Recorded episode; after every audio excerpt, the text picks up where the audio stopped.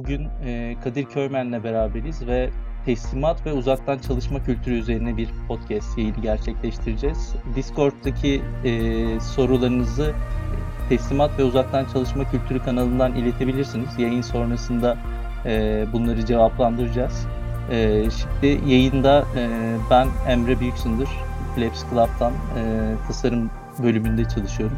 Cemil Çolak bize bu yayında eşlik edecek ve e, kendisi de kendisini tanısın biraz sonra ve Kadir Köymen e, kendisi bir girişimci, ihracatçı, modern bir yayıncı ve son dönemlerde de özellikle bir e, halk önderi, toplum e, mühendisliği gibi bir rolle e, aramızda bulunuyor. E, Kadir abi hoş geldin. Cemil sen de hoş geldin. Hoş bulduk. E, Cemil'ciğim sen de kısaca kendini tanıt. Sonra Kadir abiye sözü verelim şey yapalım. E, merhaba arkadaşlar, ben Cemil. E, Flaps Club'da e, yazılımcı olarak devam ediyoruz. Bilişim tarafında ve yazılım tarafındaki eksiklikleri giderip e, sizlerle iletişimimizi güçlü ve kuvvetli yapmaya çalışıyoruz diyelim. Ve bugün de sizlere e, Kadir abiyle beraber yapacağımız podcast'te e, konuşmacı olarak katıldım. Çok teşekkürler Cemil'ciğim. Kadir abi sen kendini kısaca özetler misin? Daha sonra açalım. Ee, Evet, yani girişimci, ihracatçı kısmına katılıyorum. Yayıncı kısmıysa benim, eee, yani hobi olarak yaptığım bir şey şu anda. Eee, biraz kendi kendimi tatmin etmek için yap yapıyorum. O yüzden kalitesiyle ilgili genelde çok eleştiri alıyorum. Eee, yapma şekli, sıklığı falan konusunda.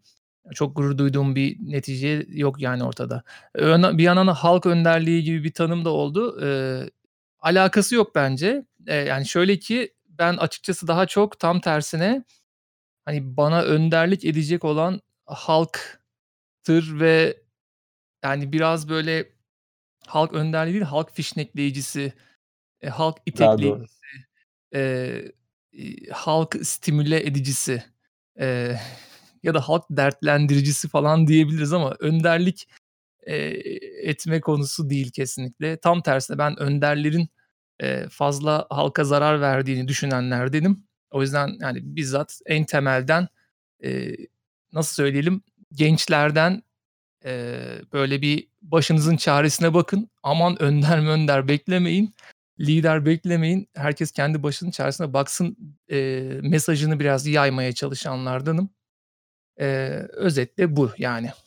Anlıyorum. Şimdi Kadir abi teslimat ve uzaktan çalışma kültürü dedik konuya ama teslimat kültürü biraz e, senin e, ortaya attığın bir teori yani şey bakımından isimlendirme bağlamında. Biraz sonra istersen ona girelim. Öncelikle şu an bir koronavirüs vakası ile dünya e, evlerine kapanmış ve özellikle şirketler bazında e, herkes e, evlerden işlerini yürütme gibi bir durum e, söz konusu ve buna hazırlıklı olan firmalar hiç bir e, sekteye uğramadan devam ederken e, sadece 21. yüzyıl dünyasına hazır olmayan şirketlerse ne yapacakları şaşırmış durumda.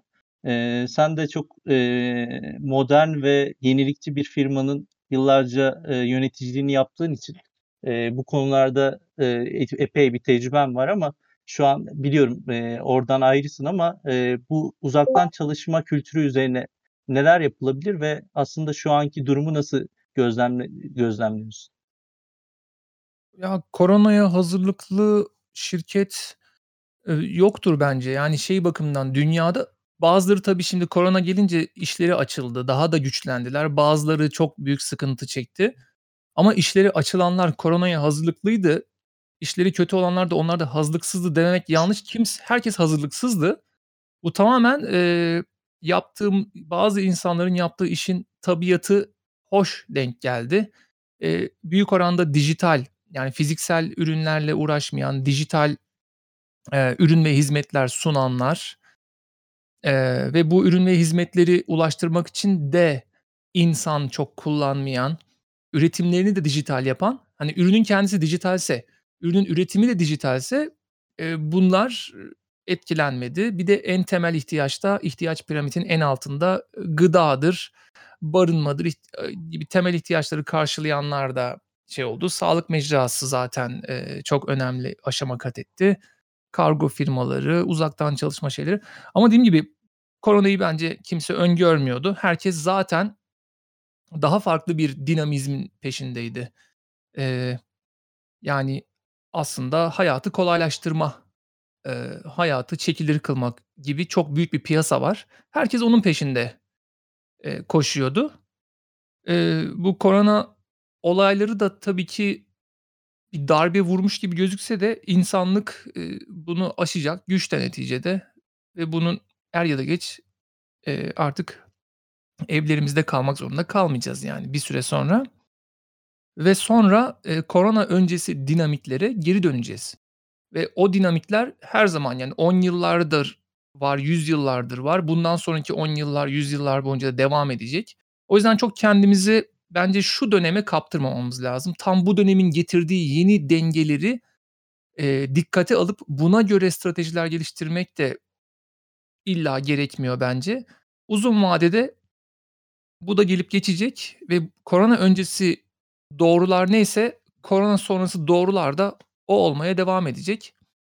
Eee, işte o yüzden biraz teslimat konusu, eee, her zaman önemliydi ve önemli olmaya devam edecek ve bence anlatılmaya değer mesaj bugün de hâlen o. Anlıyorum. Eee, Cemil'cim peki sen, eee, bir bahsettiğin metafor vardı. Levent'in camları hikâyesi. O konuda koronayla değerlendirdiğinde sen nasıl değerlendiriyorsun bu süreci? Ya, aslında benim, eee, buradaki, eee, dikkat çekeceğim konulardan bir tanesi, eee, önceden çalışma kültürümüzün bizim tamamen insanların iletişimine dayalı olduğu için, işte, örnek veriyorum Levent'teki iş kulelerindeki herkesin çalışma mantığında masasında bilgisayar var şu anda ve o bilgisayardan işlerini yürütüyor ve yan masasındaki veya yan odadaki bir kişiyle bile görüşürken gidip yanına gitmiyor. İnternet üzerinden veya farklı kullandığı uygulamalar üzerinden, eee, iletişimlerini devam ettiriyorlar. Yani benim bu korona günlerinde, eee, dikkat çektiğim nokta böyle sanki, eee, zaten uzaktan çalışmaya veya, eee, bizim fiziksel olarak bir şeylere muhtaç olmamamıza rağmen, eee, bunlara sanki bağımlıymışız gibi görünmesi, eee, benim dikkatimi en çok çeken kısım oldu. Mesela bankaların, ya fiziksel paranın, eee, çok, eee, değer kaybettiği, bence değer kaybettiği bu günlerde böyle bir vakanın çıkması da aslında bankaların, eee, böyle, büyük fiziksel mekânlara yatırım yapmasındaki, eee, önceliklerini biraz daha azaltmış oldu. Yani, eee, gidip de en güzel yerde bir, eee, şube açmaktansa, eee, çok güzel bir mobil uygulama veya internet bankacılığı yaparak insanların, eee, çok rahat bir şekilde, eee, problemlerini çözebilecekleri veya, eee, kendilerine istek eee, bir taleplerini karşılayabilecekleri bir uygulama sunulursa eğer, eee, bunun çok gerçekçi ve, eee, pratik bir yol olduğu gö gözlemlendi aslında. İşte, örnek veriyorum, eee, bir bankaya gittiğiniz zaman bile şu anda, eee, karşınıza bir tablet koyuyorlar ve tabletten önce işlemimizi halledelim, ondan sonra bakarız. Zaten, eee, karşıdaki personelin ekranında da çok farklı işlem, eee, mekanizmaları yok. Altyapı aslında hep aynı altyapı. Yani kişinin kendisinin yapabileceği şeyi sadece o paranın vermiş olduğu, eee, güven kısmını sadece biz fiziksel olarak tatmak istiyoruz. Ama bu günlerde, işte, uzaktan çalışarak veya uzaktan çalışmaya, eee, mecbur bırakıldığımız için de, eee, biz buna biraz alıştık gibi geliyor bana. Yani çok büyük, eee, farklı şeyler olacağını söylemiyoruz ama, eee, biz yine küçük bir değişim olduğunu düşünüyorum ben. Eee, yani biz artık, gidip de, eee, büyük büyük ofislerde, işte, eee, büyük kiralar vermektense artık şehrin belki, başka bölgelerinde, ofislerimizi açarak o fiziksel, eee, mekânları farklı değerlendirmemiz, gerçekleşebilir diye düşünüyorum ben yani. Anlıyorum. Gerçekten, yani, ben de ilk başta biraz yanlış ifade ettim galiba kendimi. Yani, demek istediğim, eee, sen çok daha doğru ifade ettin abi. Doğaları gereği, eee, bu tip vakalarda etkilenmeyen şirketler ve hatta bu dönemlerde güç kazanan şirketler var. Örneğin Zoom gibi, örneğin, işte, Slack gibi, bu Discord gibi mecralar. Yani bunlar insanların dijital olarak birbirine bağlarken bir yandan da aslında, eee, bu iş dünyasında şöyle bir durum yarattı. Eee, ne kadar çok insanı, eee, bir fiziksel mekândan, eee, uzak bir şekilde birbirine bağlarsan o kadar aslında, eee, olacak sosyokültürel, eee, sosyolojik olaylara karşı direncin güçlü diye bir durum ortaya çıktı. Eee, böyle bir durum var abi. Sen ne düşünüyorsun şimdi Cemil'in söylediklerinden sonra? Evet, Ya, şimdi tabii ki insanlar uzaktan çalışsın, eee, bu da bir çözüm. Eee, ama bir de insanlar hiç çalışmasın, eee, biz insanların ihtiyaçlarını başka şeylerle çözelim, robotlarla, teknolojiyle çözelim falan gibi bir işin ayağı da var. Çünkü, yani, ne olursa olsun mesela bugün dünyada hâlen kargo çalışmak zorunda, yemek, tarlalar, eee, gıda devam etmek zorunda. Altyapısı, internet altyapısı, elektrik, eee, işte, akaryakıt altyapıları vs. hepsinin tıkır tıkır işlemeye devam etmesi lazım. Dolayısıyla insanlar sahada kalmak zorunda kalıyorlar ve zaten bundan dolayı, eee, sokağa çıkma yasağı ilan edilemiyor ve bundan dolayı bu, eee, süreç rahatlıkla 2 haftada bitirilebilecek bir süreçken bütün dünya birden evine girip bunu 2 haftada bitirebilirdi ama hepimiz evimize giremedik. Çünkü giremeyiz, yani. Çünkü hâlen insanlar çok fazla, eee, kritik görevlerde iş yapıyorlar ve her şey dijitale taşınamaz. Eee, insanların sokaklarda kalması şartı var. Ama, işte, dediğim gibi bence bundan sonra, eee, devletler, büyük özel sektörler zaten bunun farkındaydılar ve otomasyon, çok zaten hızlı ilerleyen bir konuydu. Bunun hızını daha da harlayacaklardır, daha da arttıracaklardır.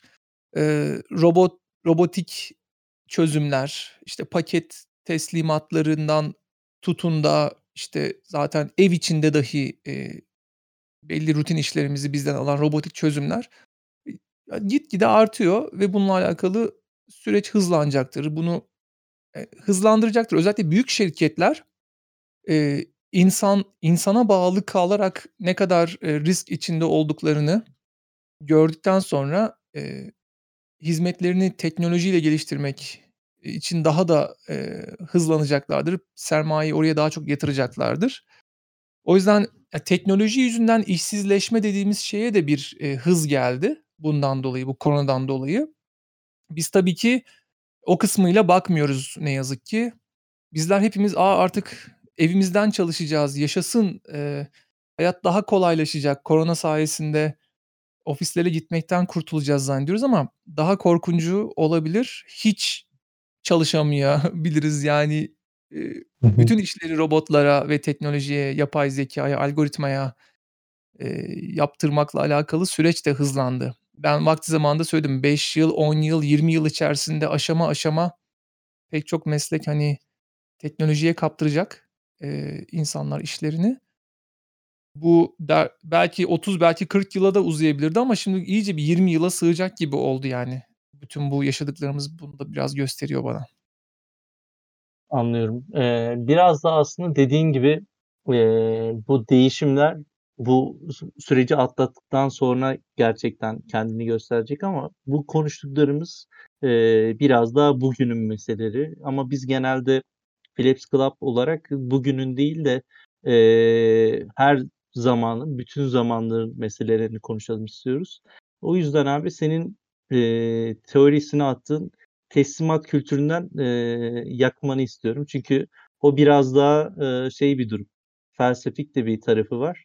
Hani, fikri hem geliştirebiliriz hem eleştirebiliriz hem de, eee, daha iyi bir formda insanlara sunmak adına, eee, bir fikir alışverişinde bulunalım ki zaten buradaki arkadaşların çoğunu da öğrenci olduğu için, eee, günün konusunu, eee, büyük konusunu teslimat olarak açalım istiyorum. Teslimatı dinleyelim abi. Evet. Yani, teslimat kelimesini ben de son dönem iyice ısındığım bir kelime oldu. Derdimi anlatırken hiç o kelimeyi kullanmıyordum.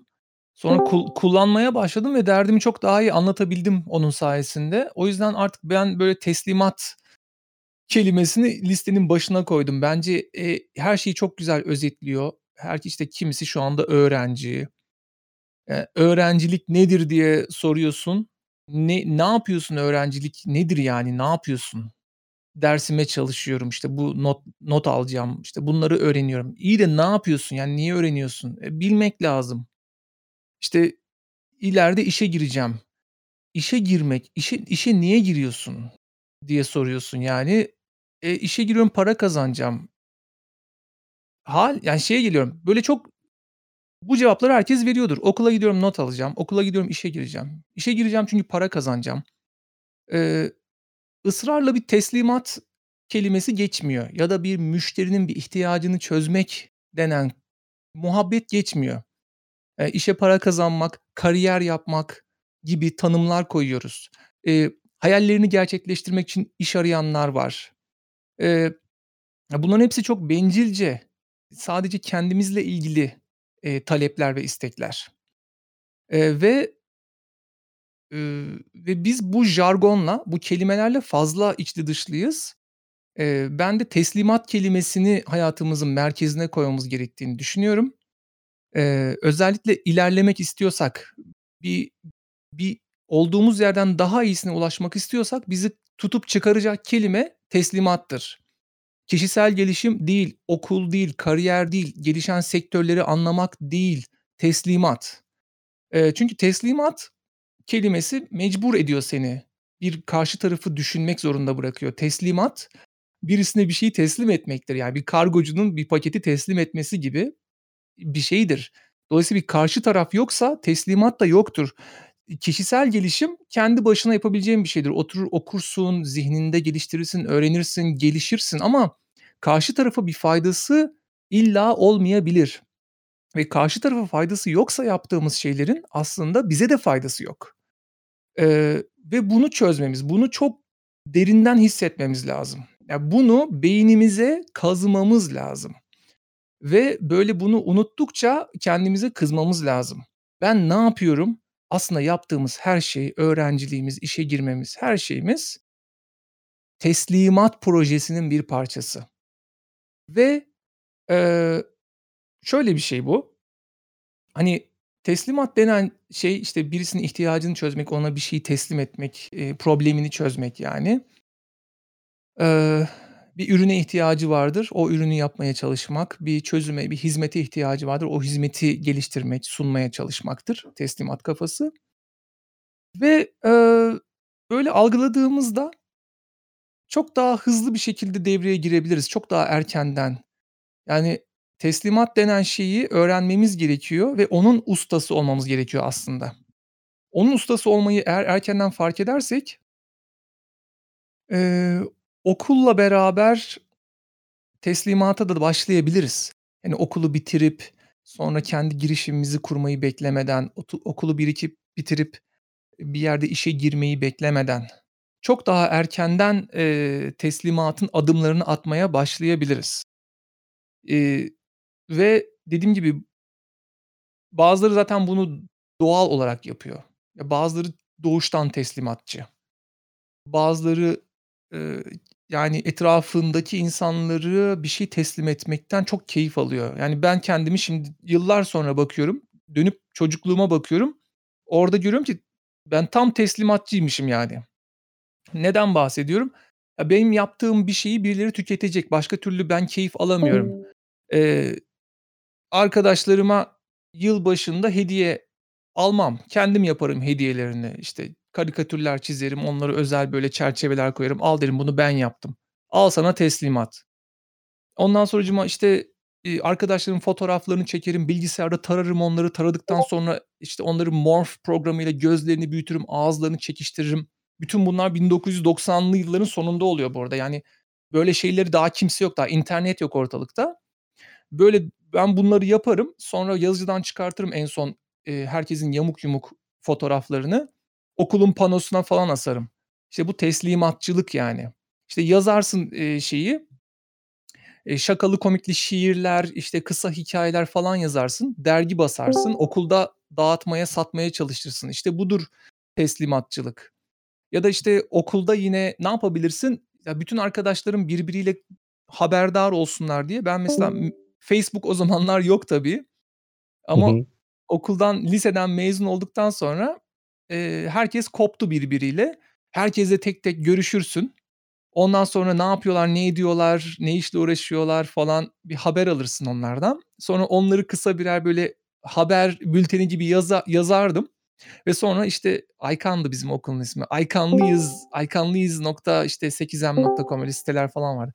Öyle site açardım, herkese haber verirdim. Oradan herkes Eee, kim ne yapıyor takip ederdi. İşte budur teslimatçılık. Yani teslimatçılıkla beraber yaşamak.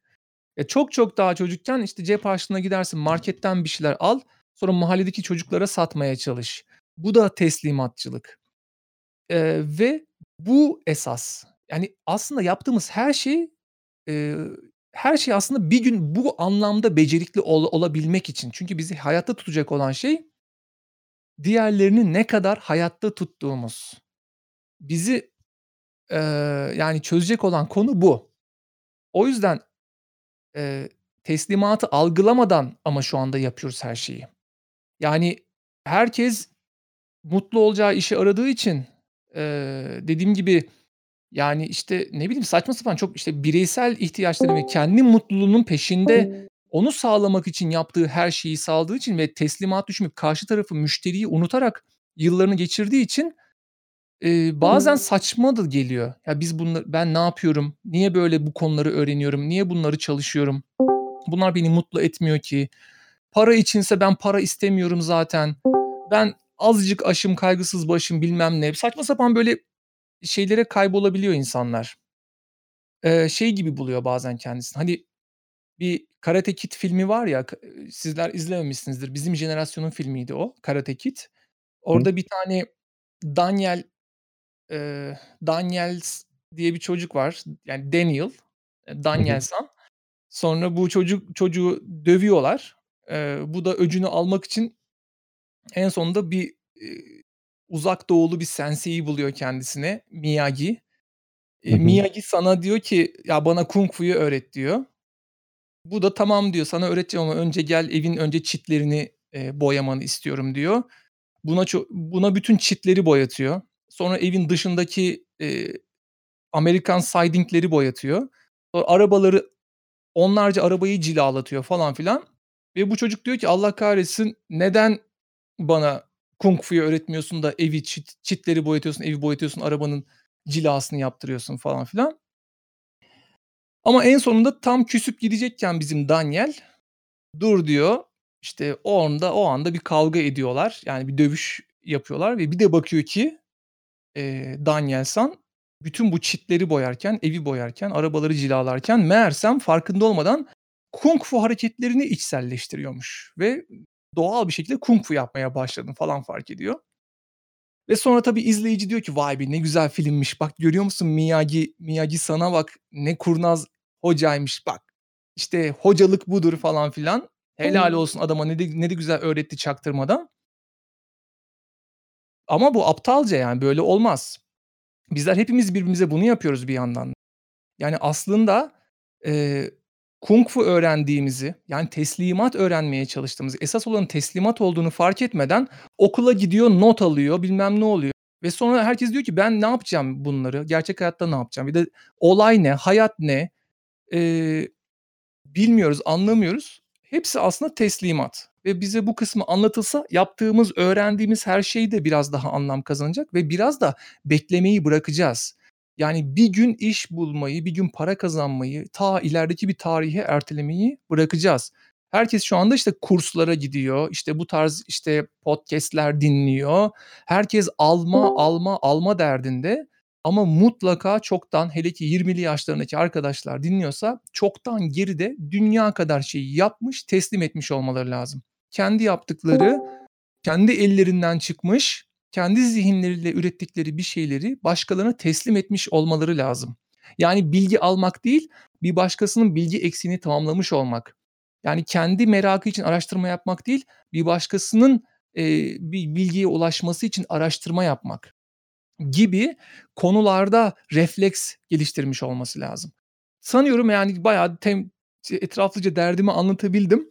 Eee, tabii herkes kendisini sorguluyordur. Eee, ben şimdi teslimat yapıyor muyum, teslimatçı mıyım, kime ne verdim falan diye ve zaten, hani, benim de en çok amacım, hani, bunu sorgulatmak. Bilmiyorum sizde nasıl bir karşılık uyandırdı? Abi gerçekten zaten, eee, konuşmayı ben de şeye çekecektim. Eee, senin çocukluğundan beri gelen teslimatçı kültürünü ki bu yayıncılık mevzusunu ilk başta açtığımda sen bu yayıncılık olayına 2000'lerde, eee, bir, işte, Premiere dersleri falan gibi şeylerle falan başladığın için aslında bugün bu teknolojiler senin evrimsel sürecinin bir son noktası. Şimdi, eee, teslimat noktasında şöyle bir şey var. Eee, kesinlikle dediklerine, eee, katılıyorum ve şöyle bir ek yapmak istiyorum. Şimdi dediğin olay o, eee, Karate Kid filmindeki a anekdot da, eee, bunu destekleyecektir. Eee, geçenlerde, işte, e Erhan Erkut röportajını yayınladık Philips Club YouTube kanalında. Kendisi de, işte, kızlarını Kanada'da okutuyormuş. İşte, o bahsetmişti. Dedi ki, yani, kızlar bütün işlerini evde, eee, proje olarak yapıyorlar. Her şeyi. Bütün olayları bir gruba kendilerini katmak ve o grupta bir parça edinmek ve sonrasında da ki burası çok önemli, eee, bir yere sunmak. Evet. Eee, s hatırlarsan seninle, işte, röportaja geldiğimiz dönemde, eee, işte, Sıfır kanalı falan, eee, o zamanlar aktifti ve Sıfır'daki projelerini falan sormuştum sana ve şöyle bir şey demiştin. Hâlâ ne durumda o konuyu bilmiyorum ama, hani, kişileri, hani, şey diyordun ya, eee, projelerini dinleyeceğiz, onların videolarını çekeceğiz. Yani onları mecbur kılacağız. Yani insanların biraz da sorunu, eee, yaptıkları şeyleri gözler önüne serip kendilerini mecbur bırakmamaları diye düşünüyorum. Çünkü bu mecburiyet olmadığı zaman, yani, insanların birilerine kendilerini kanıtlama ihtiyacı duymadığı zaman, yani, evde dene, başa başarama, yanıl, eee, başarısız ol, sonra bırak deyip çabuk demoralize olabilirken topluluklar önünde bunları yapmak ve bunları karşılıkları olması aslında, eee, temelde insanların yaptıkları şeylerin, eee, projede çalışmak kadar bu projeyi birilerine de aktarıp o projenin sonuçlarını beklenti içerisinde olmaları bu, ııı, teslimat kültürünün önemli bir noktası olduğunu düşünüyorum. Ne dersin, eee, bu mecbur kılma noktasına? Çok doğru. Zaten, eee, ya, mecbur kalma herkesin hayatında er ya da geç bir yerde gelecek ve bunu, eee, erkene çekmek, eee, aslında tamamen gerçekten çok mecbur olmadığında, hani, daha o gerçek mecburiyet, daha sıkıştırma henüz oluşmamışken onu biraz suni yollarla öne çekmeye çalışmak çok güzel bir iyilik aslında o kişiye. Çünkü gerçekten sıkışma geldiğinde, yani, artık teslimat yapman gerektiği gün geliyor. Diyorlar ki tamam okudun, öğrendin, hadi bakalım, eee, eşek kadar adam oldun, eşek kadar kadın oldun. Hadi bakalım, eee, ne yapacaksın şimdi falan gibi bir şey geliyor. Ve o sırada sen teslimat, eee, reflekslerini geliştiremediysen, eee, o şeyi doğaçlayamıyorsun. Yani, müşterini gerçekten çözen bu ne ister, insanlar ne ister, biraz lebdebeden leblebiyi anlamak reflekslerini geliştirememiş oluyorsun. O yüzden de böyle ortaya çıktığın zaman gerçekten teslimat yapamıyorsun. O anda diyorlar ki, ya, yaptığın iş bir şeye benzemiyor. Tamam, okulu okumuş olabilirsin ama ya da, işte, birtakım şeyleri öğrenmiş, deliler gibi okumuş, yalayıp yutmuş olabilirsin, fark etmez ama o teslim etme refleksini geliştiremediğin için o teslimatın bir şeye benzemiyor, bir şeyleri eksik kalıyor, tam karşıyı çözmüyor. O zaman da diyorlar ki artık o zaman şey diyorlar, yani, kredin hiç kalmıyor ve seni rutin bir işe çekiyorlar. Genelde öyle olur. Teslimatı bilmeyeni, eee daha onun için tanımlanmış, eee, bir görev tanımına çekerler. Derler ki bu işi yap. Bu düğmeye basacaksın ya da her sabah gelen bu dökümleri alacaksın, buraya koyacaksın ya da telefonda bu sorular sorulduğu zaman bunu cevaplayacaksın. Rutin bir şeyler, senin için tanımlanmış bir akış diyagramı vardır. Kararlar senin için verilmiştir ve sen onun operatörlüğünü yapmaya başlarsın. Pek çok böyle, işte, hizmet sektöründe, ofislerde, fabrikalarda böyle çok işler vardır. Eee, ve, işte, geciktirenler, yani, mecbur daha mecbur, ııı, son günü bekleyenler, eee, teslimatı yapamazlarsa, işte, biraz böyle burada biraz kısıtlı, eee, kalabiliyorlar. Kendi çözümlerini geliştiremiyorlarsa, kendi müşterilerini tanımlayamıyorlarsa başkaları onlar için çözümleri netleştiriyor, müşterileri tanımlıyor ve bir şekilde o alanın içerisinde kalıyorlar. Bunda da bir sorun yok aslında. Böyle çok, ııı, eee, bu da sorun değil aslında. Böyle böyle olmakta da çok sorun yoktu da, işte, şey konusu da var. 5 yıl, 10 yıl, 20 yıl Artık hangisi? Herkese farklı bir müddet var iş yapacağı işe göre ama bu süre içerisinde, eee, teslimatı çözememiş, eee, müşteri odaklılığı çözememiş kişiler için "Tamam, sen yapamıyorsun, gel o zaman şuradaki şu rutin işi yap yap." denecek bir şey de kalmayacak. Bayağı bir, eee, kendilerini, imha etmiş olacaklar erkenden bu konuyu çözemezlerse. Eee, o yüzden, yani, teslimatı öğrenmek daha da önemli oluyor. O yüzden ne yap ne yapacağız? Eee, birbirimizi sıkıştıracağız. Eee, yani, mecbur edeceğiz. Tabii kolay değil. Ben mesela buradaki hiç hiçbir arkadaşı sıkıştıramam. İstediğim kadar bağırayım, çağırayım ya da tatlı dille şey yapayım. Benim hiç kimse üstünde hükmüm yok.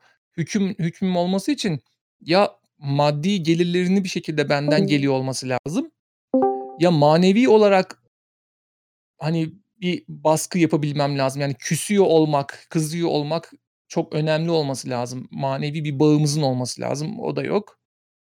Eee, şiddet zaten uygulayamayız birbirimize ya da o kanunen yasak. Dolayısıyla hiçbir kimsenin yani çevremizde hükmümüz yok birbirimize. Eee, o yüzden de kimlerin hükmü var? İşte, şu anda paramız nereden geliyorsa anne babamızın hükmü. Eee, sponsorlarımız kimlerse, eee, onlar aslında en nihayetinde bizi sıkıştırdığı kadarıyla biz, eee, kıpırdıyoruz. Manevi bağımız olan insanlar var, arkadaşlarımız. Bazen onlar biraz sıkıştırırsa azıcık, eee, kıpırdıyoruz. Gerçi arkadaşlarımız da sıkıştırmıyor. Arkadaşlarımızla genelde bir centilmenlik anlaşması yapmış durumundayız. Diyoruz ki ben seni sıkıştırmayayım, sen de beni sıkıştırma. Anlaştık mı? Anlaştık. Genelde arkadaşlık bu şekilde çözülmüş durumda. Herkes birbirini rahatlatma, "Kanka ne yapıyoruz ya bu akşam ya? Takılalım." falan, eee, üzerine. Eee, birbirinin derdini dinleme, birbirini rahatlatma üzerine olduğu için sıkıştırmayı bir türlü bulamıyoruz. E, bulamıyoruz, bulamıyoruz, bulamıyoruz. En sonunda da, eee, tatbikatı ve teslimatı yapamıyoruz. Sonra birdenbire hazırlıksız yakalanıyoruz. Hazırlıksız yakalanınca da, eee, rutin iş tuzaklarına zaten ileride bizim bizim için robotların yapacağı birtakım geçici, eee, sıradan işlerle tutunmak gibi bir yerde buluyoruz kendimizi. Eee, bu dediğim şey için de geçerli. Yani "Yo, ben gayet güzel odaklıyım. Ben, işte, yazılım öğreniyorum. Ben web sitesi kurmayı öğreniyorum. Eee, ya, ben, işte, inanılmaz kurslara gittim, inanılmaz sertifika programlarını açtım. Girişimcilik üzerine bütün seminerlere katıldım. Deli gibi öğreniyorum ve hiç vakti vaktimi boşa harcamıyorum." diyenler için de dediğim her şey geçerli. Çünkü içinde teslimat olmadığında bütün o bilgi ve tecrübeni yine kullanamıyorsun. Yani, böyle bir, eee Evet, kullanamıyorsun. O yüzden ben dediğim gibi, eee, sıkıştırmayı yapabileceğimiz bir yer varsa o da kendimiz. Eee, kendimizi ateşe verebiliriz, kendimizi zora sokabiliriz. Bu da söz vermektir. Eee, insanlara vaat vaatte bulunmaktır. Anlaşmaları imzalamaktır. Eee, kendini geri dönemeyeceğin yollara atmaktır. Bu da tabii ayrı bir konu. O nasıl yapılır falan, eee, ayrı bir paragraf açıyor. Ona girmeyeyim belki de ama şimdilik bu kadar demiş olayım. Ya, gerçekten öyle Kadir abi. Dediğin gibi teslimat konusunda bizim, eee, en çok yaşadığımız problemlerden bence bir tanesi de bahane üretmek gibi olmasın ama, eee, yani eğitim hayatından da yeni çıkmış biri olarak, eee, arkadaşlarım tarafından biraz kendimize öz öz eleştiri yapmak istiyorum. Eee, şimdi, eee, bizim lisans eğitimimizin bize verdiği şeyler aslında biraz daha akademik çalışmaların, eee, adımları gibi verildiği için sanki o üniversite sıralarında oturan herkesin, eee, üniversiteden sonra hep akademisyen olacakmış gibi, bir araştırmacı olacakmış gibi, çalışması gibi eğitim veriliyor. Ve bence bunun, bizim üzerimizdeki etkisi de, işte, yani büyük araştırmalarla, sürekli araştırma yaparak ortaya küçük parçalar çıkartabilmeyi, eee, gösteriyorlar aslında bize. İşte, biz ispatlar yapıyoruz. Bu ispatların, işte, nerelerden geldiklerini yapıyoruz. Eee, bunu yaparken de, işte, aslında orada ürün çıkartmayı veya bir şeyleri, eee, ortaya çıkartmayı aslında nasıl olduğunu çok, eee, keşfedemiyoruz kendi adımıza konuşmak gerekirse. Yani burada benim, eee, en çok dikkat çekmem konular gere gereken konulardan bir tanesi de, eee, yani üniversitede bize ödevler veriliyor e, ödevin e, bir fayda sağlamak konusunda e, işte problemleri var ve biz bir gerçeklikle ilişkiyi kuramıyoruz. Bunu işte hocalar tarafında da olsun, öğrenciler tarafında da olsun hep bir problem var. Yani bizim yaptığımız şeyin e, gerçek hayattaki bir karşılığının hep olmadığını düşünüyoruz. Aslında e, baktığımız zaman küçük e, detayların ne kadar işte büyük e, problemleri çözdüğünde işte biliyoruz yani büyük şeyleri hep küçük e, detaylar çözüyor aslında. E, yani burada mesela benim e, eğitim hayatımdan da biraz örnek verecek olursam ben bir şeyleri mesela öğrenirken aslında hep bir şeyler üreterek öğrenmeye alıştım. Yani e, örneğin bir yazılımda bir web sitesi mi yapmayı öğrenmek istiyorsun? O zaman bir web sitesi yapman gerekiyor. Yani oturup da e, saatlerce eğitim dinleyip, e, saatlerce birinin yaptığı şeyleri izleyip veya saatlerce kitap okuyarak evet e, bir yere kadar gelebilirsin ama e, ortaya bir proje, bir ürün çıkartmadığın zaman gerçek aşamadaki problemleri hiçbir zaman görmeyeceksin. İşte bizim üniversitelerden öğrencilerin çıkartılıp da şu anda işte tecrübesiz personel olarak iş aramalarının en büyük problemi bu zaten. Çünkü okulda bize işte ben inşaat mühendisliği mezunuyum mesela. Bize kiriş problemi çözmeyi öğrettiler. Ama piyasaya bir çıkıyorsun ustayla önce iletişiminin iyi olması gerekiyor. Yani insanlara bir şey anlatabiliyor olman gerekiyor.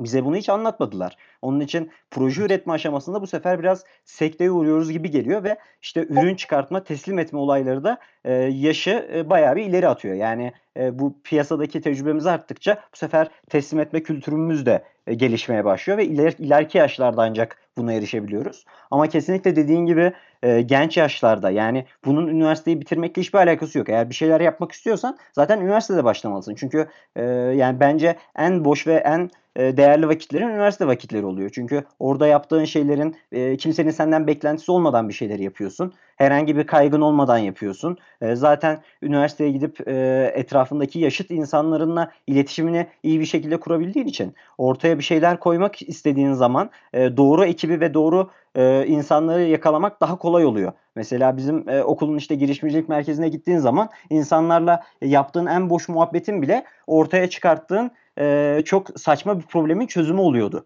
Yani senin e, yine bir teslim etme kültürünü e, orada yaşatmış oluyorsun. Yani bu biraz da e, kişisel olarak e, bizim nerede bulunmak istediğimize işte e, dikkat çekiyor. Yani e, biz kimin yanında bulunmak istiyoruz? İşte akşam eğlenmeye gidecek arkadaşın yanında bulunmak istiyoruz yoksa e, bize gerçekten değer katabilecek veya bir problemi çözebilecek birinin yanında bulunmak mı? Kısa vadede evet bizim için e, biraz daha eğlence daha ön planda oluyor ama bunun farkına varıp ve bunun keyfine e, ulaştığımız zaman bir şeyleri üretmenin, bir şeyleri teslim etmenin ve ortaya e, insanların problemlerini çözebilecek ürünler çıkartabilmenin e, hazzına ulaştığımız zaman bence e, daha farklı düşüncelerle e, bizlerin de e, gerçekten bir şeyler yapabilme isteğinin artacağını düşünüyorum ben. E, ve biz bir de e, ortaya bir şeyler koyarken e, ürünleri bence parçalama konusunda biraz problem yaşıyoruz. Yani e, yine yazılımcı tarafından biraz örnek verecek olursam problemleri çok büyük e, taraftan bakıyoruz belki. Önce problemleri işte küçük küçük parçalara bölüp küçük küçük deadline'lar vererek projenin sonuna e, belli bir e, nokta getirmek benim için biraz daha faydalı oluyor kendi çalışma prensiplerim olarak. E, onun için e, herhangi bir projeyi üretirken veya e, ortaya bir şey çıkartırken bir hizmet bile olabilir bu. E, parça parça küçük küçük e, çözümler üretip e, onları en sonunda büyük bir bütün haline getirebilmek e, kendi açımdan biraz daha başarılı olabileceğini düşünüyorum ben. Evet tabii yani o tabii başarılı proje geliştirmenin e, kat, yani muhakkak bir yolu ve yöntemi e, katılıyorum. E, başta şey söyledin işte bu hani üniversitede bir araştırmacı olacağız vesaire gibi e, çok hani böyle kısıtlı limitli bir çerçeveden bakabiliyoruz e, dedin. Yani şöyle bir şey evet araştırma yapıyorum. Bir makale yazıyorum. Ne için? Not için değil. Kendim için de değil. Birisine bir şey teslim edeceğim için. Yani e, yaptığımız her şeyin tabii ki her şeyin değil. Vaktimizin bir kısmını tabii ki de sadece kendi keyfimiz için yaşayacağız da Eee, en fazla yarısını yani, en fazla yarısını kendi keyfimiz için yaşıyorsak öbür yarısını bir başkasına bir teslimat içinde yapıyor olmamız lazım. O yüzden o soruyu sormak lazım. Ben şu anda bunu yapıyorum. Eee, kime ne teslim ediyorum yani? Ya da bugün, bugün ne teslim et etmekle alakalı, kime ne teslim etmekle alakalı bir şey yaptım. Eee, ya, işte o dediğin şey, işte şey hesabı yapmak, işte kiriş hesabı, sütun hesabı, statik hesapları yapmak gibi şeyler öğretiyorlar okulda. Eee, ve dediğim gibi eğer teslimat yapmam gerekiyor dersen birdenbire onu nerede kullanacağın, kimin buna ihtiyacı olduğuna odaklanıyorsun. Odaklanınca o kişilere bakmaya başlıyorsun. O kişilerle diyalog kurmakla alakalı çok daha erkenden fırsatlar peşinde koşuyorsun. Ve, ııı, yani, ya, okul sana gösteremiyor tabii ki. Evet, okul bunları fark ettiremiyor. Eee ama, işte, dediğim gibi teslimat konusuna odaklı kişiler okulun, eğitim verdiği eğitimden çok daha istifade edebiliyorlar. Çok daha erkenden nerede kullanacaklarını kendi kendilerine sorgulamaya başlayabiliyorlar. İlla bir ürün geliştirmek noktasına gelmek falan da önemli değil. Yani bütün girişimci olmak, bir ürün ve hizmet geliştirmek önemli değil. Büyük bir organizasyonun küçük bir parçası olabiliriz ve çok spesifik bir konu dışında hiçbir şeyle uğraşmayabiliriz. Eee, hani, NASA'da vakti zamanında, işte, 1960'lı yıllarda hangi Amerikan başkanı bilmiyorum, belki Kennedy falandır. Eee, NASA'ya ziyarete gidiyor. Orada, eee, bir paspasçı var. Bu hikâyeyi biliyorsunuzdur. Diyor ki, "Sen burada ne yapıyorsun? Senin görevin ne?" falan diyor temizlikçiye. Diyor ki, "Ben ben, eee, Ay'a insan yollamaya yardımcı oluyorum." diyor. Ya, teslimat noktası şu, yani, ben şu anda kimin hangi işine yardımcı oluyorum? Evet, çok küçük bir operasyondayım ama kimin hangi işini görüyorum? Eee, sorusunun bilinciyle işini yapmak. Teslimatçı bir temizlikçi o cevabı verir. Öbürü, "Sen ne yapıyorsun?" der denirse, "Ben temizlik yapıyorum." der. Çünkü yaptığı işi anlatır. Hâlbuki önemli olan yaptığımız işin kimin hangi problemini çözüyor, kime teslimat yaptığımız üzerinden işimizi tanımlıyor olmamız lazım. Ya, "Ben mühendis olacağım." demeyeceğiz. Ben insanların, eee, işte, barınma ihtiyaçlarını çözecekleri yapıları inşa edeceğim. Yıkılmayan yapıları inşa edeceğim. Ben insanların ulaşma ulaşmaları için yolları inşa edeceğim. Aslında yapılmaya yıkılmayan yapı inşasındayım ben. Bunu teslim ediyorum demesi lazım. Ben doktor olacağım dememesi lazım birisinin. Ben, eee, insanların, eee, sağlıklarının en üst seviyede kalmasını ve refah içinde, yani, sağlık bakımından huzur içinde yaşamalarını sağlamaya çalışıyorum. Ben bunu teslim etmek için çalışıyorum. O paspasçı da Ay'a insan yollamak için temizlik yapıyor yani. Bu teslimat kültürü zaten bu. O yüzden, eee, jargonumuza, yani, dilimize bunu, şey yapmamız lazım, yani, aşırı derecede aşılamamız gerekiyor. Yaptığımız işte, planlarımızda, hayallerimizde artık kendimizi, eee, özne olarak çıkartıp başka insanların ihtiyaçları dilinden yaptığımız şeyleri tarif edebiliyor olmamız gerekiyor. Eee, o birdenbire zaten bütün düşünce yapımızın formatlanmasına, çok daha erkenden müşterimizle tanışmamıza ve onu daha iyi anlamaya başlamamıza ve yaptığımız işte daha çok anlam bulmamıza, yaptığımız işten büyük ihtimalle daha iyi sonuç almamıza ve para kazanmamıza, eee, sonuç veriyor. Ya, şimdi, eee, burada Devam mesela evet. önemli olan noktalardan bir tanesi bence şu oluyor o zaman. Eee, yani, o temizlikçinin veya, işte, eee, o doktorun, eee, yaptığı mesleği, eee, meslek olduğu için değil, yani, sevdiği bir iş olduğu için yapabilmesi, işte, onu aslında teslimat kültürüne uygun bir hâle getiriyor bence. Yani, bir insanın, eee, iş yapam yapma motivasyonu eğer o işi teslim edebilmekse, işte, o zaman veya insanların problemlerini çözebilmekse o zaman teslimatçı ruhu ortaya çıkmış oluyor. Biz, eee, işte, seçimlerimizde, eee, popüler olan bir şeyi seçmeye çalıştığımızda o teslimatçı ruhumuzu aslında bir kenara bırakmış oluyoruz kısmen. Ve evet ve bunu suni yollarla enjekte edebilmemiz lazım. Biraz bunu bilinçli olarak, eee, force etmemiz lazım. Yani, bu şekilde düşünmeyi. Çünkü bizi kurtaran yaklaşım bu. Yani, ben de mesela üniversite hazır üniversite tercihlerimi yaparken, eee, yani, hangi üniversitede okuduğumu söylesem millet "Vay!" der, "Vay anasına!" der. Hangi bölümü okuduğumu söylesem millet "Vay anasına!" der. Yani, hiçbir şekilde bu bu bölümler hı rden mezun olursam, eee, kimin hangi işine yarayacağım ben? Kimin hangi problemini çözeceğim? Hiç öyle bir dert yok. Belki bu dinleyen arkadaşlarda da öyle bir şey olmuştur vakti zamanında. Yani, birçok her şeyi kendimize, Ama kendimizi yetiştirmek kendimize değil. Onu anlamamız lazım. Kendimizi yetiştirmek başkalarına. Eee, ve onların kendilerini yetiştirmeleri de sana. Yani burada, eee, öyle bir medeniyette yaşıyoruz ki, yani kendi yapmadığımız şeyler üzerinden hayatımızdaki bütün konforu inşa etmiş durumdayız. Eee, yani başkalarının kişisel gelişimleri bizim hayatımızı kolaylaştırdı.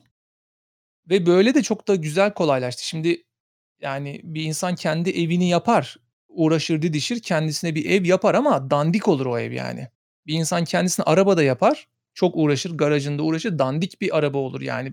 Hatta gitmez yani. Anca bir bisiklet falan yapar belki. Ama yani o yüzden kendimizi çözemeyiz.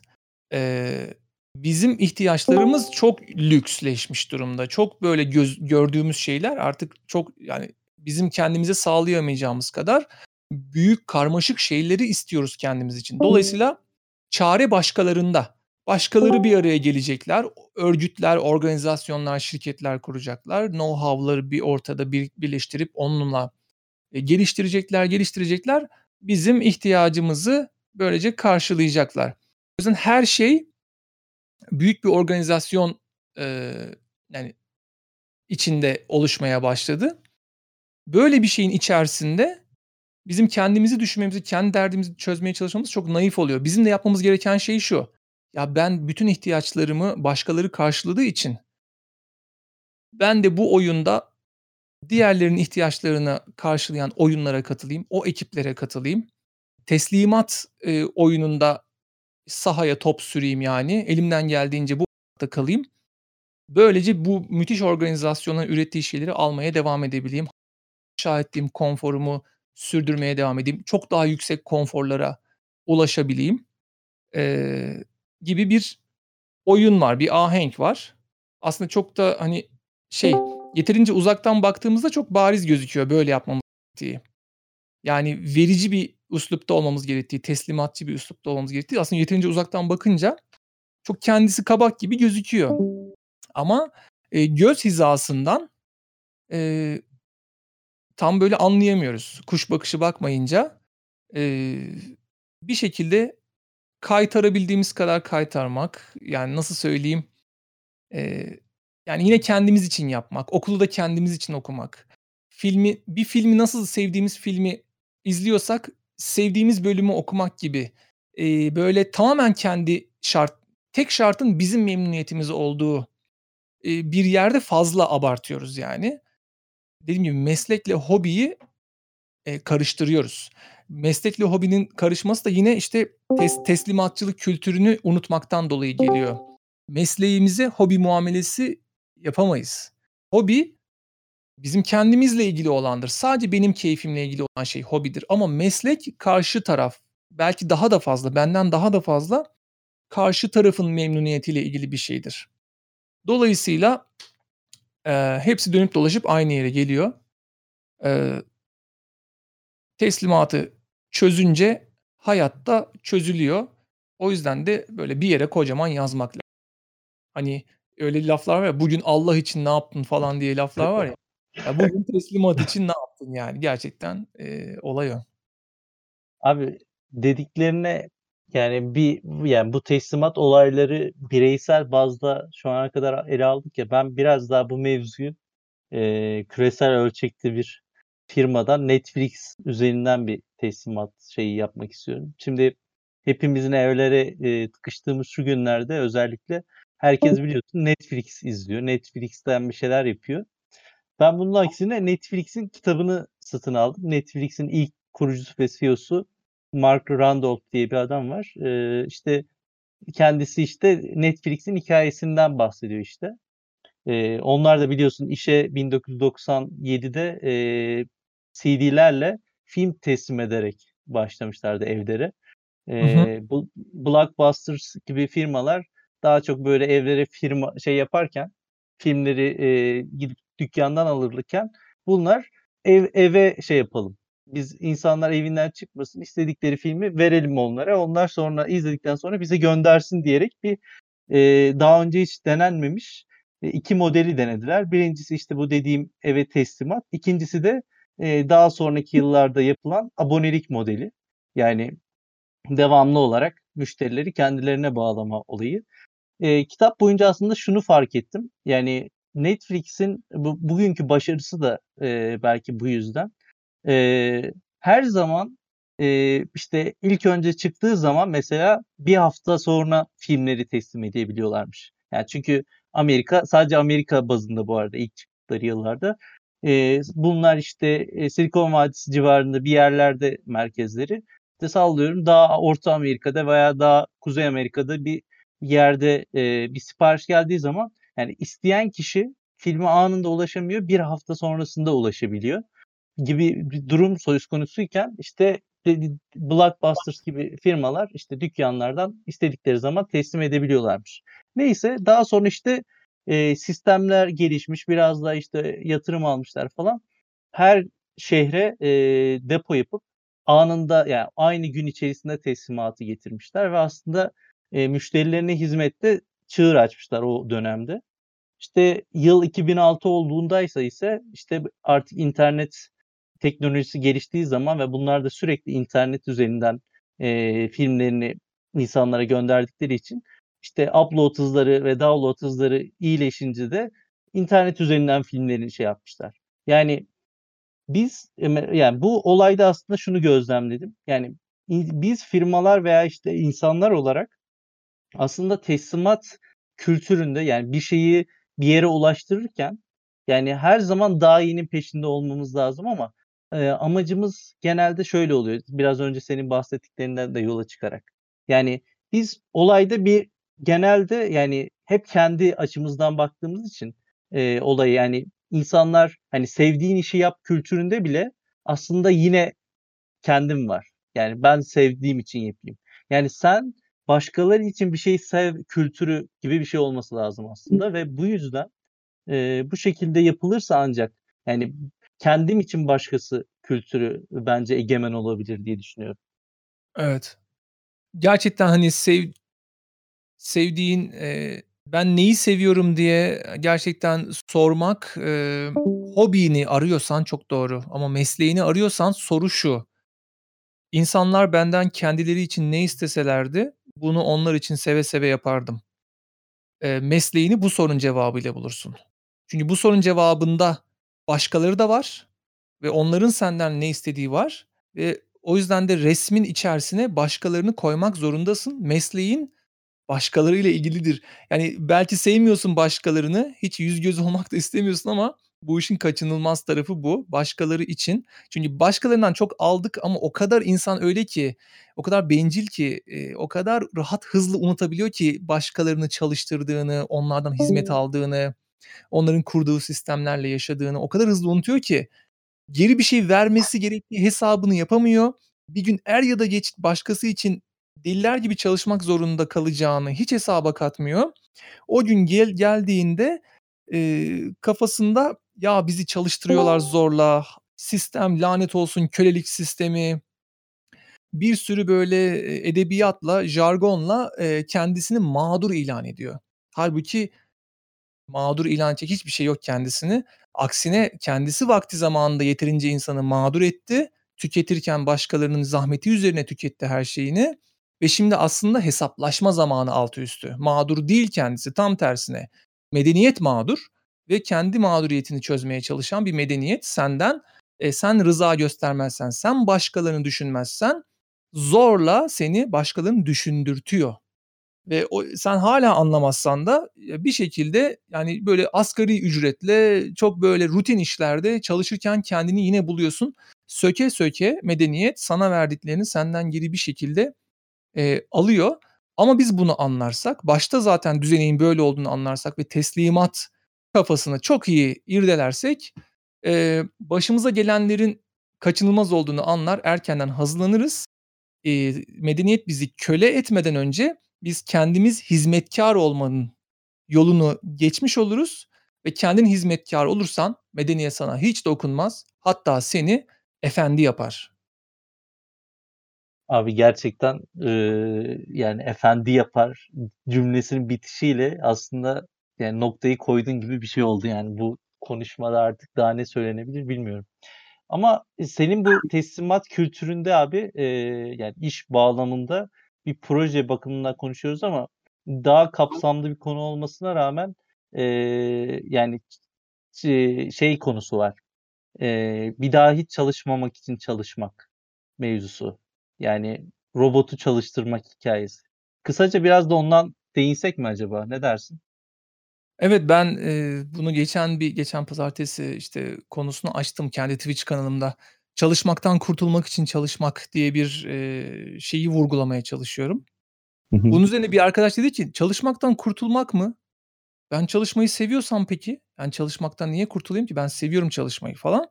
Orada yanlış, mesajı yanlış verdiğimi anladım. Onu daha farklı tanımlamak lazım. Eee, yani nasıl söyleyeyim, çalışmaya mecbur olmaktan kurtulmak için çalışmak diyelim ona. Hı hı. Çalışmaya Gayet mecbur olmaktan kurtulmak için çalışmak. Eee, istediğimiz için çalışmak, istediğimiz kadar çalışmak. Çalışmayı çok seviyor olabilirsin. Ben de çok seviyorum ama, eee, yine de istediğim kadar çalışmak ve sevdiğim şeylerde çalışmak isterim. Ama, hani, bunu ilk günden yapamam. Eee, bunu yap yapabilmem için, yani sevdiğim şeyleri istediğim kadar yapabilmek için sevmediğim şeyleri de yine sevmediğim kadar yapmak zorundayım. Yine aynı şeye geliyor. Yani, eee, kölelikten kurtulmanın bir yolu varsa hizmetkârlığa odaklanmak. Çalışmaktan kurtulmanın bir yolu varsa çok çalışmayı önce başta kabul etmek. Böyle bir ahenk var aslında. Kendi içinde çok da güzel bir, eee, ilahi adaleti var aslında. Yani güzel bir karması var sistemin. O yüzden mantığımızla da örtüşüyor aslında. Ne kadar işimize gelmese de bu böyle. Eee, eee, ve tabii şöyle bir durum var. Bu bu terimlerle konuşuyoruz, böyle düşünüyoruz. Çalışmak, çalışmaktan kurtulmak için, işte, çalışmak falan gibi. Eee, biz böyle düşünürken ve böyle bir düz dünya düzeni kurmaya çalışırken kendimize kafamızda, eee, bir yandan da teknoloji diye bir şey, eee, böyle insan ırkının yanında yeni bir ırk olarak gelmeye başladı yani. Eee, ve bu yani geome geometrik bir hızda hızlanıyor. Kabiliyetleri, becerileri, yetileri, eee, geometrik şekilde hızlanıyor. Dolayısıyla geometrik artış çok korkunç bir şey. Eee, geometrik artışta kısa vadede olacak olayları genelde insanlar abartırlar. Uzun vadede olacak olaylarıysa genelde küçümserler. Geometrik artış öyledir. Başta böyle yatay gider ve dersin ki bu hiçbir zaman yükselmeyecek. Bu sonsuza kadar böyle yatay gider. Bir türlü canlanmıyor, bir türlü canlanmıyor. Ama ondan sonra bir, eee, tatlı bir seviyeye geldikten sonra da bu sefer aman Allah'ım bu nasıl bir yükseliştir, bu nasıl bir durdurulamaz ilerlemedir gibi bir şey var geometrik artışın ve teknolojinin de, eee, biz insan ırkı olarak bizim evrimimiz belli bir hızda yani sıfıra yakın bir hızda evrimleşiyoruz. Ömrümüz içerisinde bir insan yani yedi yedisinde neyse yetmişinde de ne o o olarak o kapasiteyle, o şeyle ilerliyor ama eee, teknoloji gerçekten, eee, tam bu bizim çağımızda, eee, şeye, o kırılmasını yaşadı ve bizim önümüze geçtiği 10 yıllar çoğumuzun göreceği 10 yıllar. Yani hayatta olacağımız 10 yıllar içerisinde teknoloji oraya doğru gidecek ve gerçekten, işte, orada, eee, bu bir tehdit dediğim gibi. Yani teknolojinin bizleri işsiz bırakması, bizleri değersiz kılması gibi bir ihtimal çok yüksek. Ama bir yandan da, e, ne yapalım? Robotların fişini mi çekelim, teknolojiyi durduralım mı? Durduramayız. Onu geliştiren biz değiliz ki durduracak biz olalım. Eee, dolayısıyla bu tsunami'nin altında kalacağız. Ama, eee, burada şuna uyanmak lazım. Bundan kurtulmanın da bir yolu var. Eee, o da, hani, bizi öldürmeyen şey bizi güçlendirir mi diyeyim? Şöyle bir şey, teknolojinin sahibi olabilirsek biz işsiz güçsüz kaldığımız gün eğer bizi işimizden edecek olan bu teknoloji, o her neyse, eğer onun sahibi olmayı başarabilirsek işsiz kaldığımız gün, yani bize artık talebin kalmadığı, bizden kimsenin bir şey istemediği o gün bizim robotumuzdan, bizim teknolojimizden hizmet istenecek ve o zaman biz işe gitmeyeceğiz ama robotumuz, eee, üretime koşacak. Diğer insanların ihtiyaçlarını robotumuz, eee, karşılamaya başlayacak. E, tabii robotların da güzelliği kazandığı parayı sahibine direkt verir yani. Hiç kendisine pek bir şey almaz. Parayı direkt sahibine yollar. Dolayısıyla eğer bir robotumuz olabilirse, eee, biz para kazanmaya devam edebileceğiz. Zaten işte kapitalizm bu yani. Kapitalizm diyor ki sadece insan emeği değil, robot emeği de para eder diyor. Yani sermaye de para kazanır diyor. Eee, kapital de para kazanır diyor kapitalizm.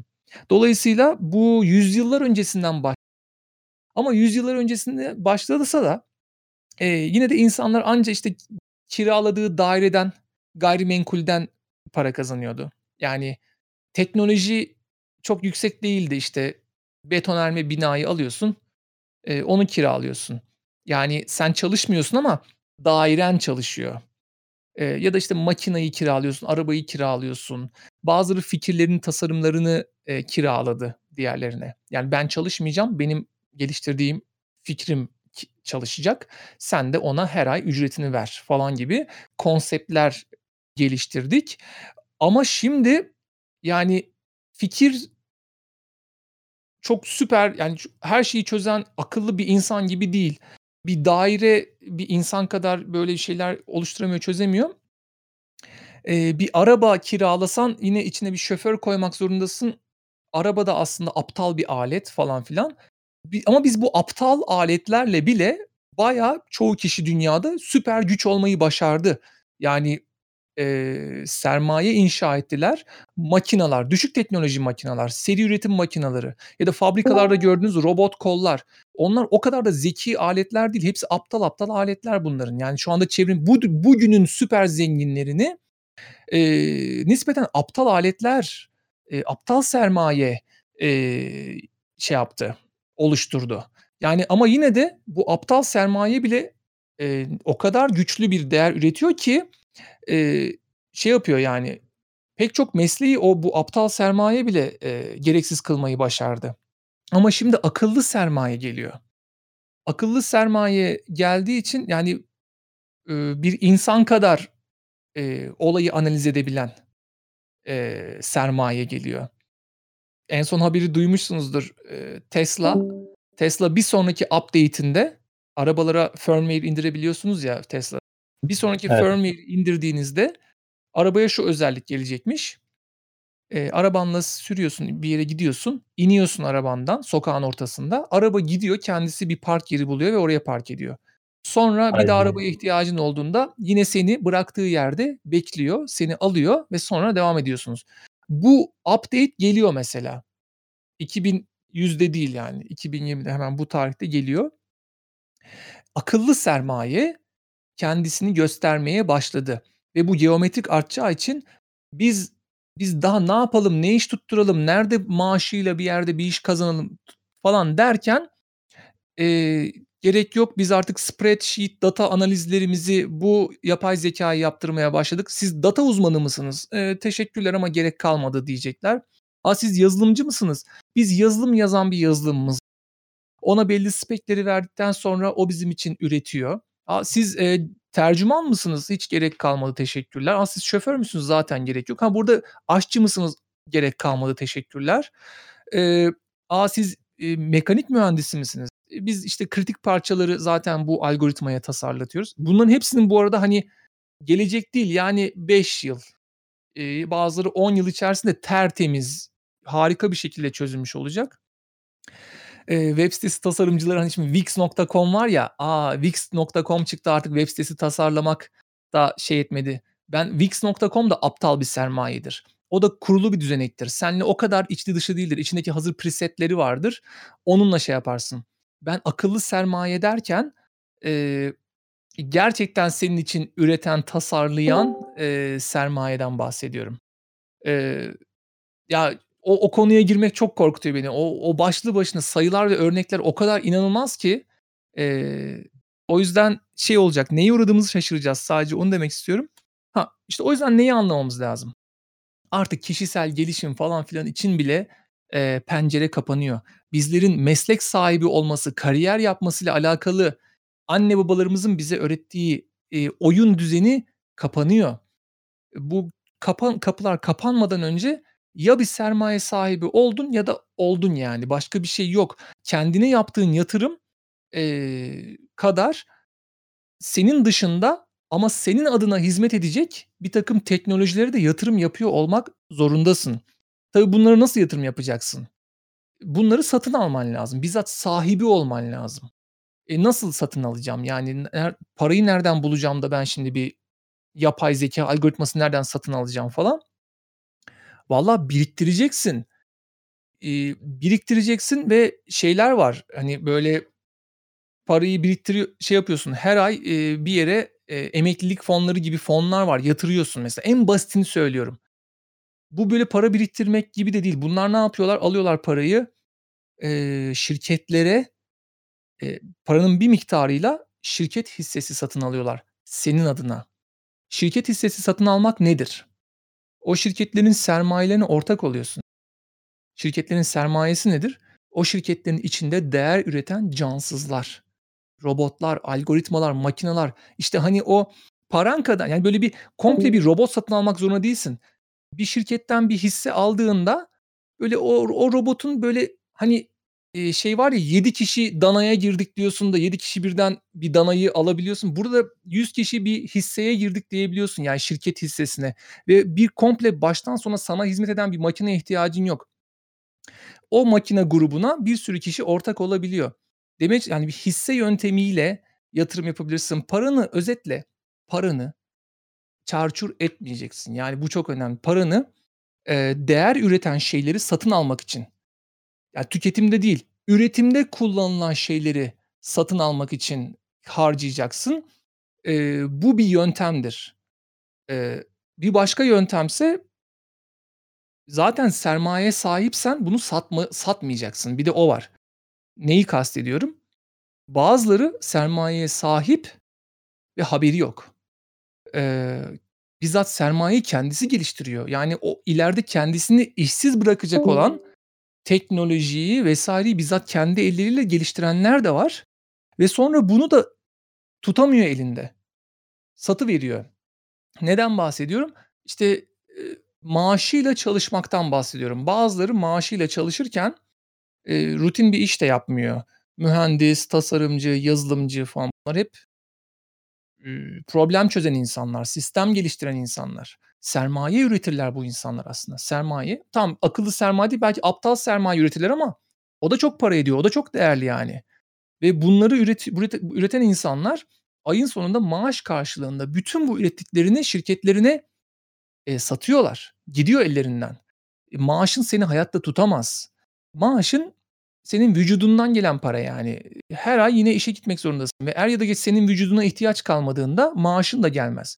İşte, o yüzden kendi ellerinle ürettiğin ve şirketine sattığın o sermayeler ileride dersin ki ya ben bunları keşke satmasaydım da kiralasaydım. Kiralasaydım dersin. Çünkü artık bana ihtiyaç kalmadı ama hâlâ benim onlara verdiğim sermayemi hâlâ kullanıyorlar ve onunla hâlâ değer üretiyorlar. Hâlâ oradan para kazanıyorlar. Keşke satmasaydım. Böyle bir şey var. O yüzden geleceğe hazırlanmak için ya sermayeyi iyi anlamak, elindeyse kendin bizzat üretiyorsan onu artık satmayı bırakıp kiralayarak kiralamaya geçmek.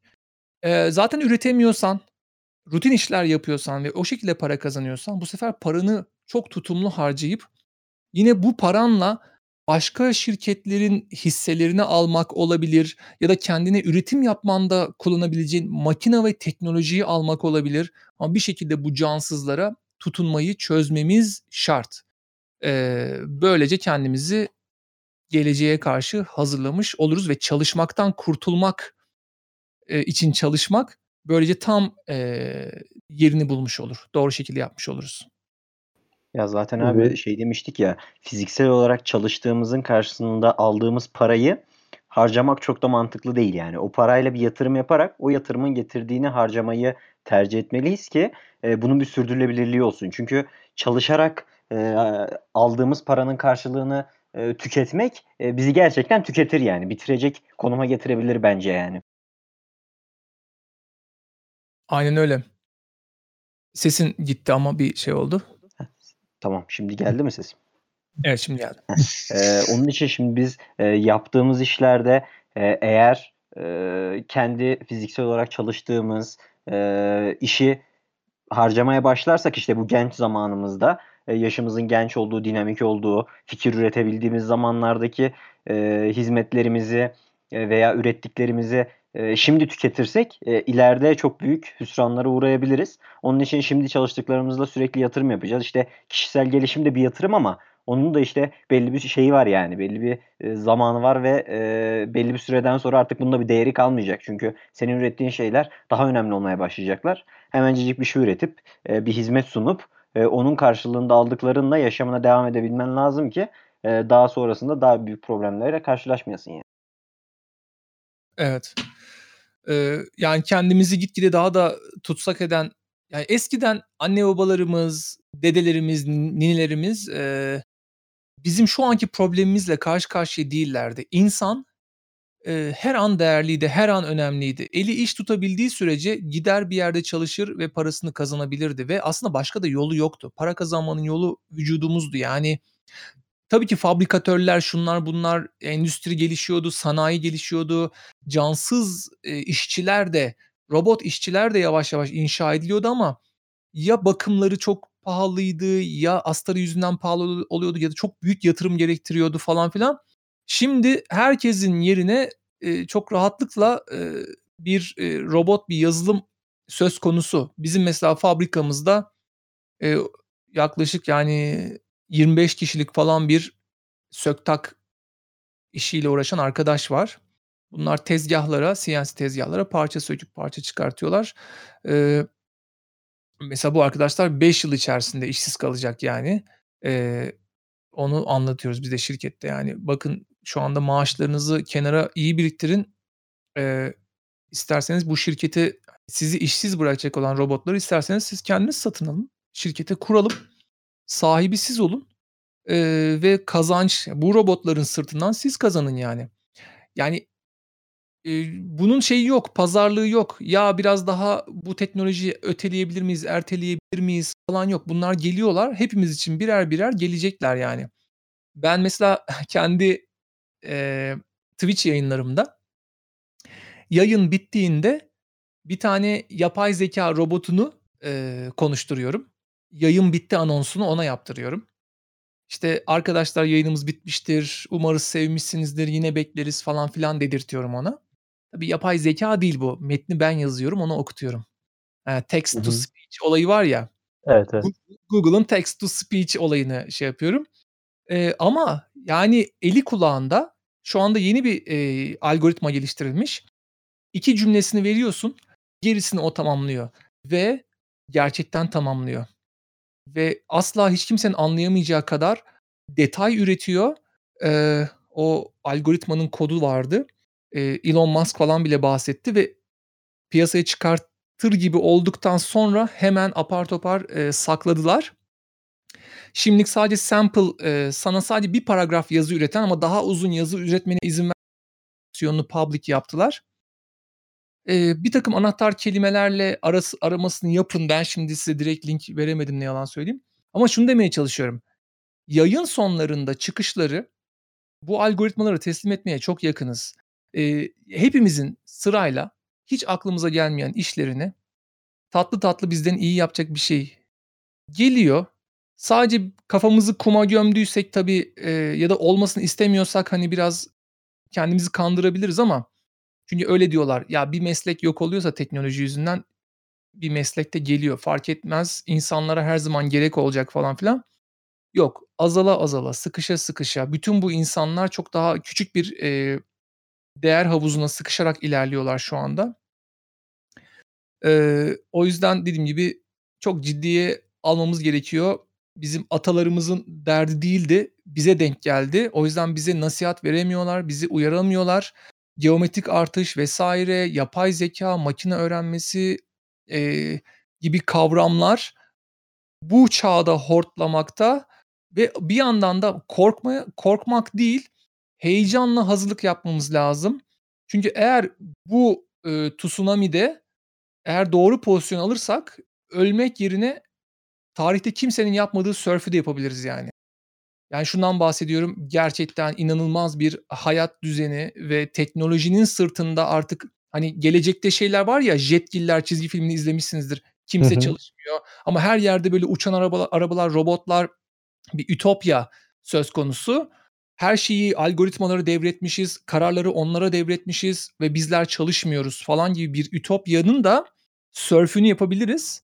Eee, yeter ki biz de o gün geldiğinde o muazzam teknolojik ekosistemin bir parçasının sahibi biz olalım. Satın alarak ya da inşa ederek onun bir parçası biz olalım yeter ki. Kesinlikle abi. Zaten, eee, doğru şeye yatırım yapmak aslında, eee, geleceğimizi kurtarmak adına çok önemli bir şey ki zaten Erhan Erkut da yayında da altın tavsiye olarak bunu defalarca ifade etmişti. Eee, bir tane sorumuz var abi istersen onu ileteyim sana ki konuyla bağlamlı bağlama açısından tutarlı olduğu için soruyorum. Furkan diyor ki, "Peki sıradan paranın kullanılmadığı dönemde para kazanmanın değeri nedir? Sermayeden kastettiğimiz şey başka birimlere de dönüşebilir mi sizce?" diyor. Eee, yani bu sermaye aslında, eee, başka birimler derken, hani, dediğin gibi, eee, şirketlerden hisse satın almak gibi. Başka nerelere dö dönüşebilir abi sence? Şimdi, eee, değeri insan ürettiği için eskiden, yani hâlen tabii öyle ama genelde, işte, değeri insan üretince, eee, para gerçekten çok elzem bir enstrüman yani hayati, olmazsa olmaz. Bütün alışverişimizi dengesini sağlıyor. Kimin ne değer ürettiğinin, kimin ne aldığını falan parayla şey yapıyoruz ama aslında para bir sadece araç. Neyi sağlıyor? Hepimizin üretimde kalmasını, üret üretmeyenin tüketmesinin şansı yok. Tüketmek için üretmek zorundasın ve bu oyunda ürettiğin kadar tükettiğini kontrol eden tek mekanizma para. Para bir dengeleyici araç ama araç sadece. Tekrar hatırlayalım, amaç ne? Sürmek. Sürmek. Eee, çok affedersiniz.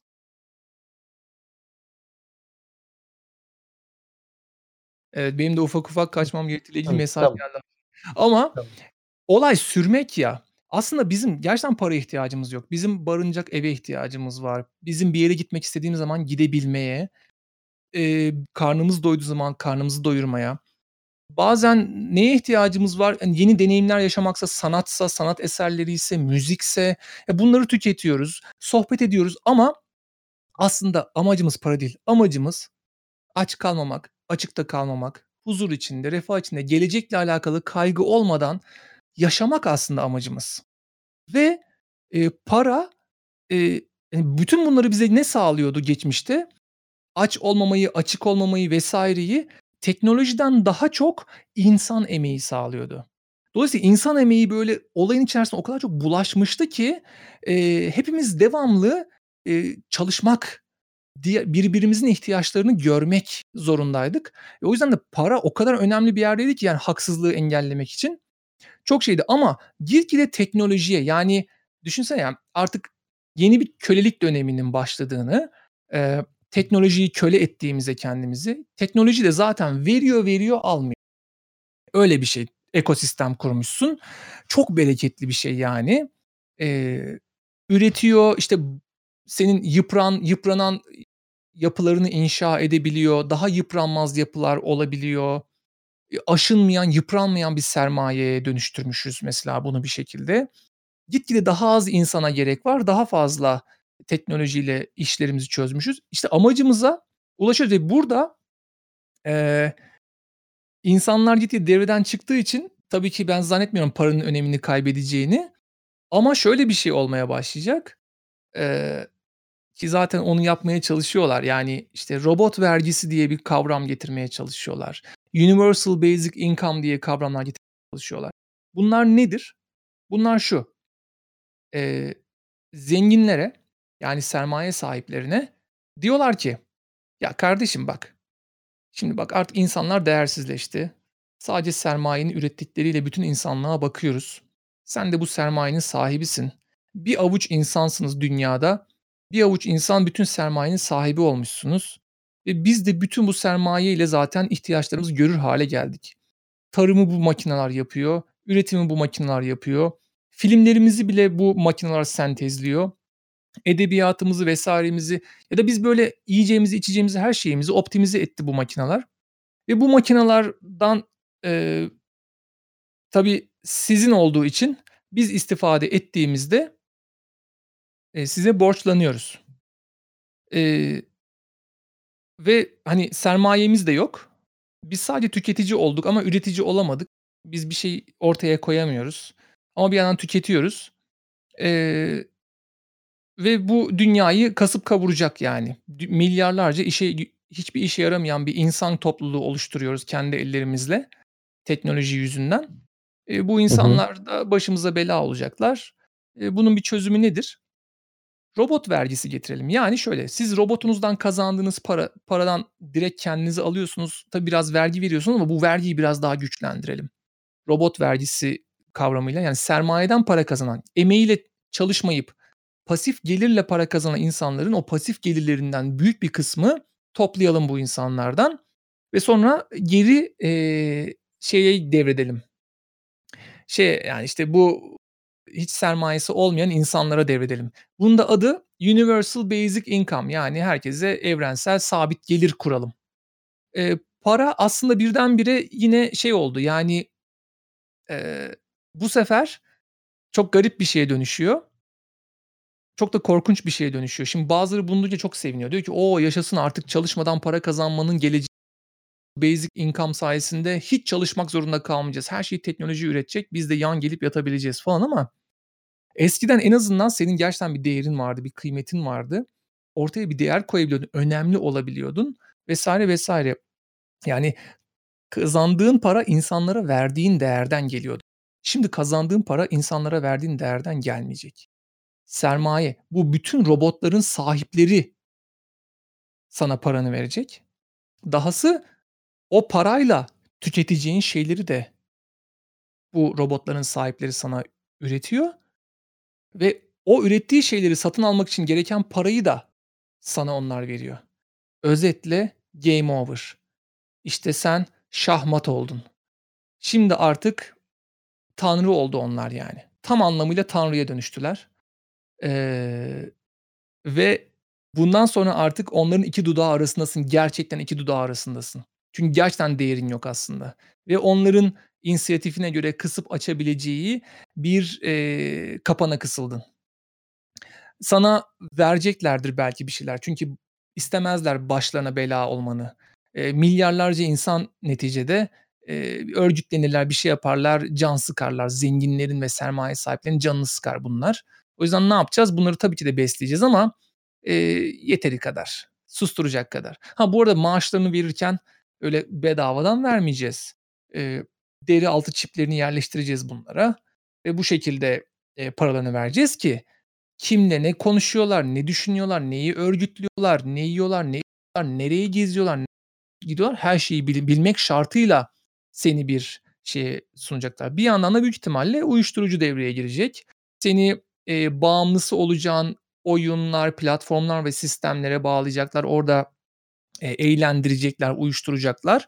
Sen senin bir şekilde hâlinden memnun olmanı, eee, sağlayacaklar, eee, ve tatlı tatlı dünyada bir grup sermaye sahibi insanla sermayeye bir türlü tutunamamış insanlar arasında 2 böyle bir ayrım olmaya başlayacak ve eğer sermayesi olmayan grupta kaldıysan gerçekten de artık oradan öbür tarafa sıçramakla alakalı bir şey olmayacak. Yani, eee, Harari de onu diyor, yani, bir üstün ırk inşa edilmekte. Sermayenin sahibi biyoteknoloji alanında da öylesine ilerlemeler sarf edecek ki kendi alanında kendisini geliştirmek, beyin kapasitesini çok daha ileri almak, kendisini çok daha güvenceye almakla alakalı muazzam yollar kat edecek ve sermaye tutunamamış tutunamamış insanlarsa ne yazık ki çiftlikte beslenen, eee, hani, ölene kadar idare edilen, belki de kısırlaştırılan vs. bir şeye dönüşecek yani.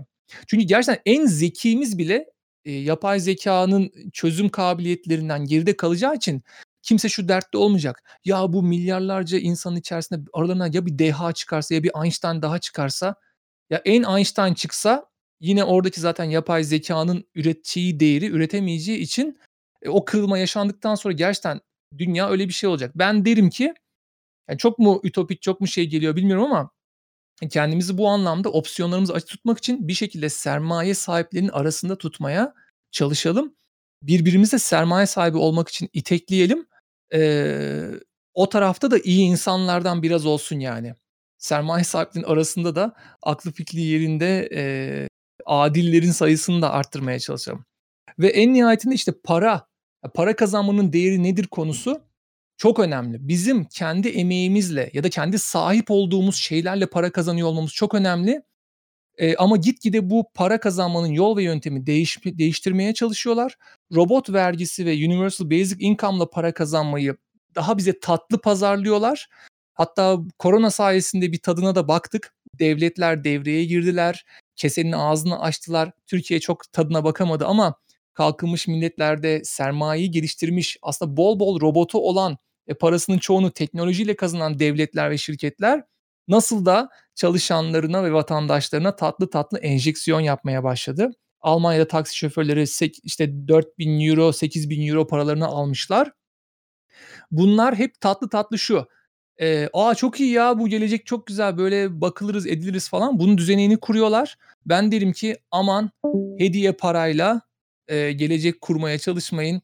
Her zaman sizin ürettiğinizle ya da sizin sahip olduğunuz şeyle üretilen parayla kaz para kazanmaya çalışın. Eee, parayı silmelerine de, hani, o anlamda izin vermeyin derim. Abi bu dediğinden sonra ancak şunu söyleyebilirim. Eee, ben lisedeyken futbol oynuyordum, eee, ve hoca, eee, antrenmanda mükemmel bir gol olduğunda artık bunun üzerine bir şey yapılamaz arkadaşlar deyip, eee, oyunu bitirirdi. Yani biz de artık bitirelim. Çünkü o kadar doruk bir noktaya çıkardın ki sohbeti. Eee, akıllarımızda kalan, eee, ağzımıza çalınan son bal da bu şekilde olsun istiyorum. Eee, katıldığın için çok teşekkürler abi. Gerçekten birçok konuda, eee, hem günümüzü hem geçmişi çok iyi özetlediğini düşünüyorum. Evet, ben de çok teşekkür ederim. Keyif aldım. Eee, arkadaşlara da sabrı için teşekkür ediyorum. Umarım onlarda da bir şey olmuştur. Belki belli konuları düşünmelerinde faydalı olmuştur. E, Daire 101'e de beklerim. Daire101.com'a da beklerim arkadaşlar sizleri. Orada Twitch yayınlarında bu meşrepte muhabbetler devam ediyor. Daha da interaktif oluruz. Orada chat'e de katılırsınız falan. Eee, böylece diyalogumuza devam ederiz. Abi Harika. fikrinle, vaktinle, eee, bize kattığın her şey için çok teşekkür ederiz. İyi geceler. Teşekkürler tekrar. Sevgiler, selamlar. Görüşmek üzere.